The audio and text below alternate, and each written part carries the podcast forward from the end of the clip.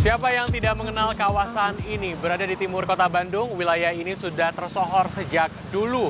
Berada di Jalan Ahmad Yani Kota Bandung, kawasan ini dikenal sebagai kawasan Cicadas.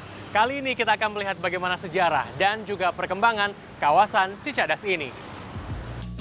Secara administrasi, Cicadas merupakan salah satu kelurahan di kota Bandung. Pada 2022, jumlah penduduk di Cicadas mencapai 16.000 orang yang tersebar di 15 rukun warga. Tiap jengkal tanah di kawasan Cicadas ini dipadati oleh permukiman penduduk. Kawasan Cicadas memiliki sejarah panjang. Sebelum Indonesia merdeka, wilayah ini sudah menjadi pusat keramaian dengan berdirinya sejumlah bioskop dan fasilitas hiburan lain. Pada awal kemerdekaan, setidaknya ada empat bioskop di kawasan ini. Bioskop itu adalah Nirwana, Taman Hiburan, Ramayana, dan Cahaya.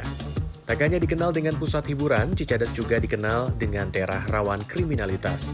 Aksi pencopetan, perkelahian, dan pencurian sering terjadi di wilayah ini. Tepatnya tahun 60-an hingga 80-an, bahkan salah satu tokoh masyarakat Cicadas menyebut Cicadas memiliki julukan sebagai negara beling. Tapi kalau saya ber, boleh berasumsi, ya, yang dimaksud negara beling itu mungkin maksudnya daerah Bronx ya. Kalau di Amerika ada distrik Bronx di New York itu, kalau di Cicadas ya barangkali negara beling ya karena di saat di sini itu banyak sekali kriminalitas kan gitu. Kriminalitasnya yang saya tahu ya ya walaupun itu bukan kriminalitas ya misalnya eh, penyalahgunaan minuman keras kan. Tiap gang itu dulu ya kalau sekarang agak berkurang. Dulu itu ya orang mabok udah biasa ya tiap gang itu ada gitu ya. Eh, kemudian ya ya. gitu ada sih? Oh iya, sekarang kurang. Sebab sekarang kan daerah Cicadas itu uh, kaki limanya udah nggak begitu ini ya. Hmm. Kalau dulu, ya dulu ini juga tempat prostitusi kan terkenal di Bandung ini.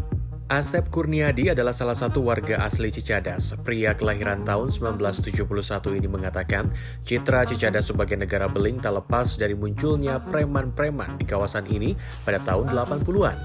Keberadaan preman ini membuat wilayah Cicada semakin mencekam. Banyak warga yang diliputi rasa khawatir dan merasa tidak aman saat melintas di kawasan ini. Boleh digambarkan kepada kami tahun 80-an itu kondisi Cicadas itu seperti apa? Kriminalitasnya tinggi, warga juga banyak yang yang ketakutan. Khawatir, ketakutan itu seperti apa? Apa yang Bapak lihat dulu? Dulu ya kayak gitu kayak berkelahi, kebanyakan berkelahi sih dulu berkelahi ya sampai ke warga warga sekolah jam 5 ke ke atas udah sepi hmm. ketakutan gitu jadi yang di lapangan adalah preman-preman preman-preman kayak ya preman-preman dulu lah. Hmm. kayak tahun tujuh enam sembilan tujuh puluhan. Hmm. kayak mabok. Mabok rame jadi senggol atau teman-teman sama teman.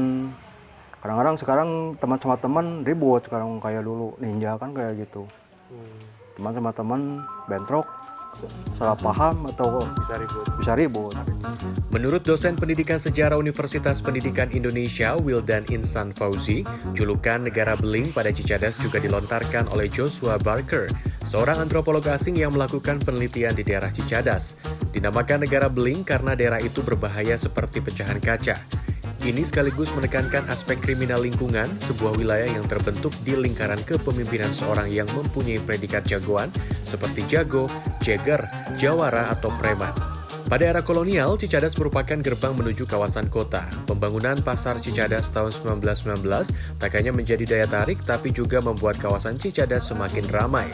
Kepadatan kawasan Cicadas semakin memuncak tahun 60-an saat terjadi urbanisasi dari Priangan Timur ke lokasi ini hingga terbentuk perkampungan. Akibatnya Cicadas yang semula sebagai pintu gerbang menjadi area konsentrasi massa. Jumlah penduduk yang melebihi kapasitas pun memicu terjadinya konflik-konflik dan ketegangan. Salah satunya adalah kriminalitas. Kalau Cicadas kan itu lahir dari tadi kan eh, perkembangan jalan pos ya kan eh, apa dan kemudian perkembangan kota apa namun sayangnya yang datang ke sana adalah masyarakat uh, pinggiran yang kemudian membangun kota, membangun perumahan sejak zaman Belanda yang tanpa izin kan gitu ya. Itu orang Belanda menyebutnya seperti itu. Jadi banyaknya uh, apa bermunculan uh, perumahan-perumahan yang sangat padat sekali bahkan kan katanya sekarang padat terpadat di dunia ya atau terpadat di Asia itu yang kemudian memunculkan daerah slum atau daerah uh, kumuh yang kemudian nanti ya Pak berefek kepada uh, tingginya uh, tingkat uh, kriminalitas gitu. Sebetulnya Cicadas tak melulu soal kriminalitas. Di kawasan ini juga terkenal dengan satu kedai yang berjualan awuk sejak tahun 1980. Awuk merupakan makanan tradisional Jawa Barat yang terbuat dari beras ketan, kelapa parut, dan gula merah. Proses pembuatannya cukup sederhana. Campurkan bahan-bahan seperti tepung beras, kelapa parut, gula merah, dan air. Jika sudah tercampur rata, adonan tersebut kemudian dikukus hingga matang. Hmm.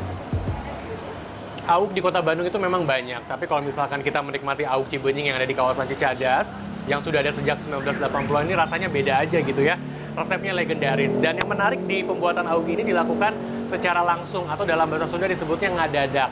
Jadi ketika kita menikmati di tempat ini, ini kondisinya masih hangat, jadi menambah rasa nikmat dari auk yang sudah ada sejak 1980 ini. Dengan segala dinamika yang terjadi di kawasan ini, Cicadas akan selalu memiliki identitas tersendiri dengan keunikan dan sejarahnya yang panjang. Tim Liputan CNN Indonesia, Bandung, Jawa Barat.